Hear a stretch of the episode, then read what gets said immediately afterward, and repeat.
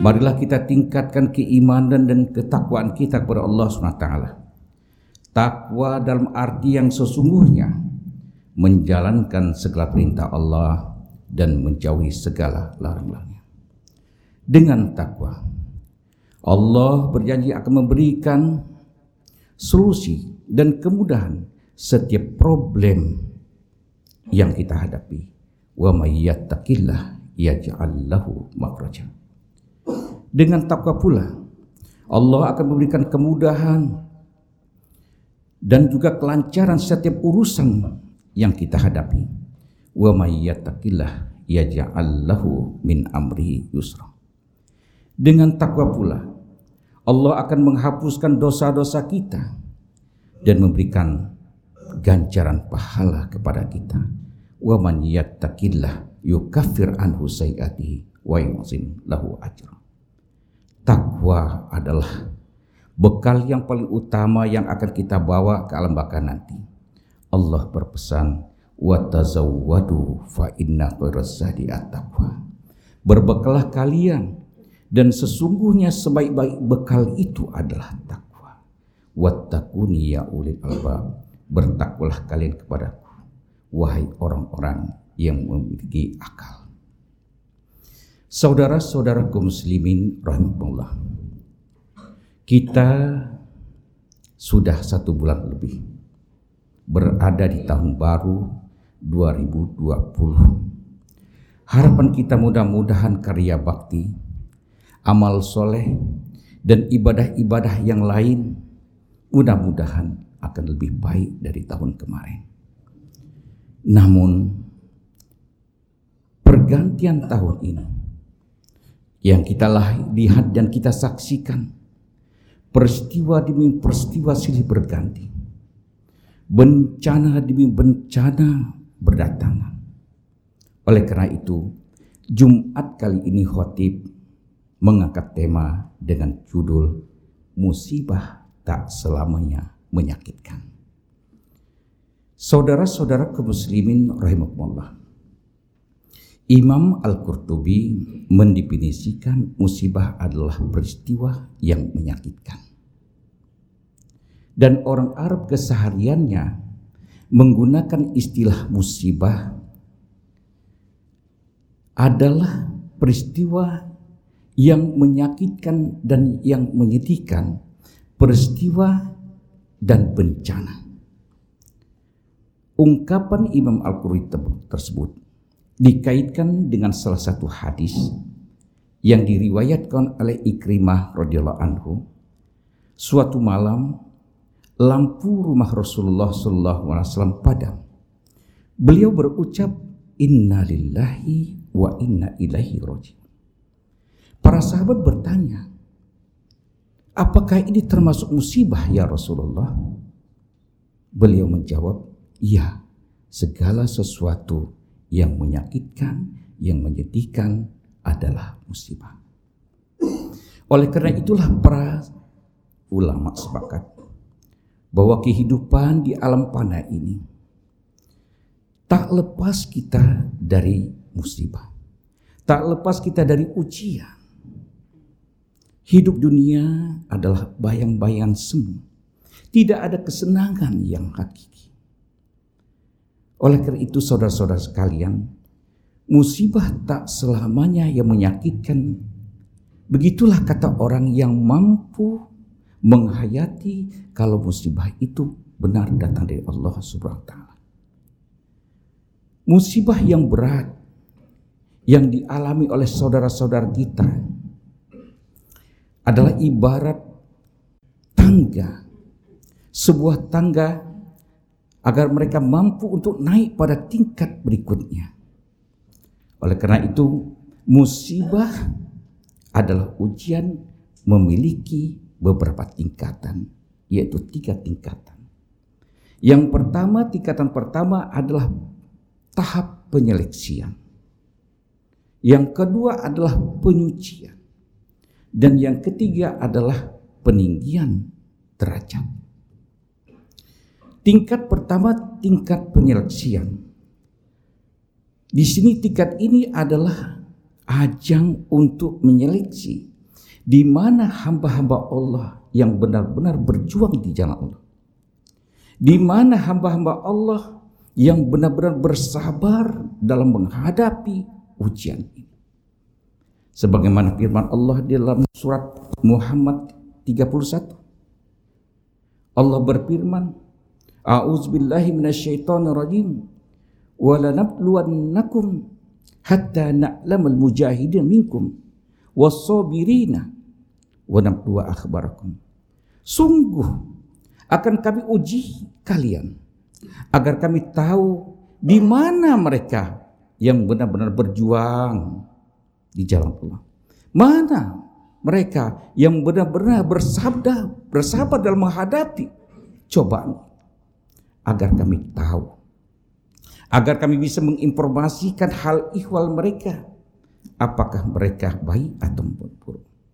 Di sinilah tingkat yaitu penyeleksian ini. Dan tingkat yang kedua adalah tingkat pengujian. Jangan kita kira Allah menurunkan bencana dan musibah ini adalah murka Allah.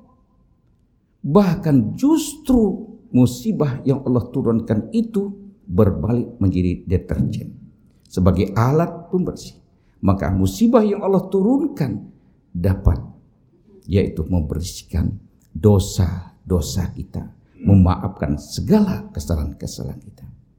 Sebagaimana hadis Rasulullah sallallahu alaihi wasallam, tidaklah seorang mukmin yang terkena duri, yang terkena rasa sakit, keluh kesah, sedih, gagal dalam usaha, hingga duri menusuk badannya. Dengan demikian Allah akan menghapuskan, mengampuni dosa-dosanya dan memaafkan segala kesalahan-kesalahan. Saudara-saudara sekalian rahimahullah.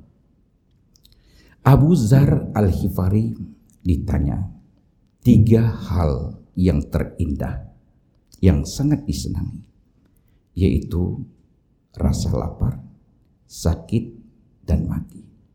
Ditanya kenapa? Kalau aku lapar kata Abu maka aku hatiku akan lebih lembut. Kalau aku sakit, maka dosa-dosaku berkurang. Kalau aku mati, segera aku menghadap Allah Subhanahu wa taala. Saudara-saudara kaum muslimin rahimahullah.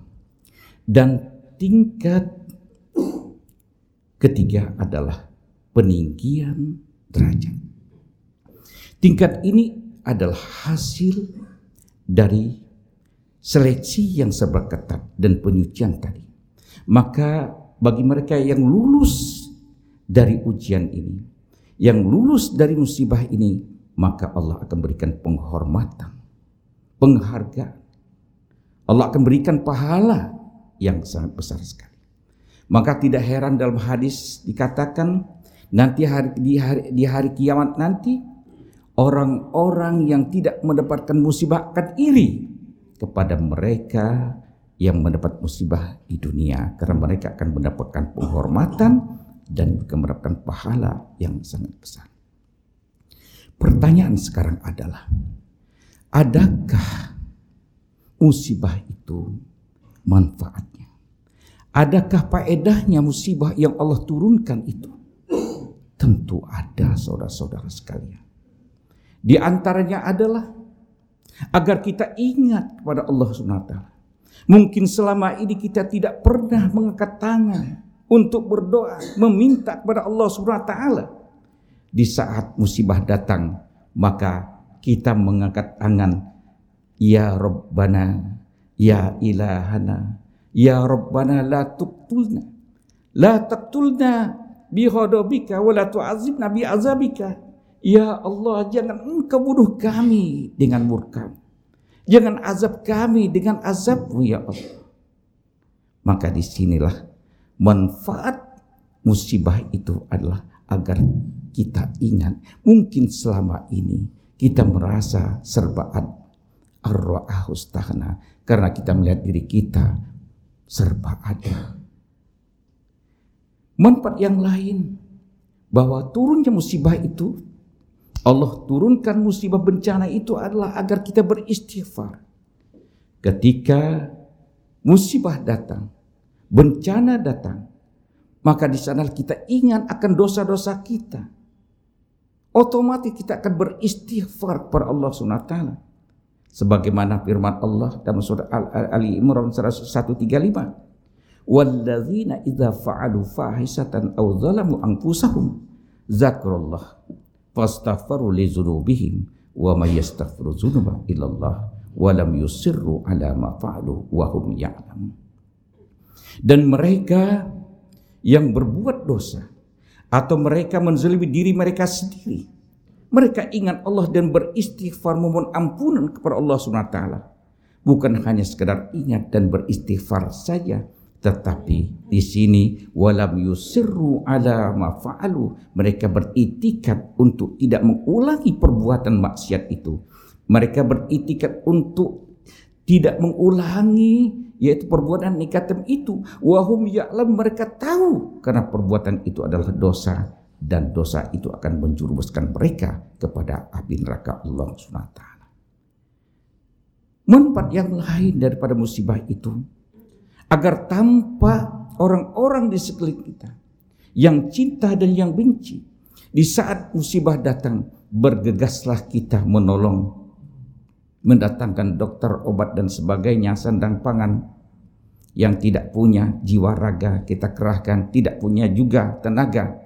Kita mengangkat tangan, menghibur mereka, mendoakan mereka, kesembuhan mereka. Banyak sekali manfaatnya. Dan yang terakhir adalah kita musibah Allah didatangkan musibah itu adalah agar kita yaitu bersyukur kepada Allah Subhanahu wa taala. Ketika musibah datang, maka saat itu kita berucap, Alhamdulillah ya Allah, istri, sanak, keluarga saya selamat dari banjir. Alhamdulillah ya Allah, rumah saya tidak kebanjiran. Banyak sekali ucapan itu. Di samping itu juga bukan hanya mengucapkan Alhamdulillah saja, tetapi kita selalu ingat kepadanya. Oleh karena itulah saudara-saudara mudah-mudahan dengan peristiwa bencana yang kita alami ini untuk menjadi renungan kita bersama dan agar kita, kita ingat kepada Allah Subhanahu wa taala dan bertobat kepadanya. Allah berfirman, "Idza asabat musibatun qalu inna lillahi wa inna ilaihi raji'un." Jika mereka mendapatkan musibah, mereka berkata, "Inna lillahi wa inna ilaihi raji'un." Sesungguhnya kami adalah milik Allah dan kepadanya kami akan kembali.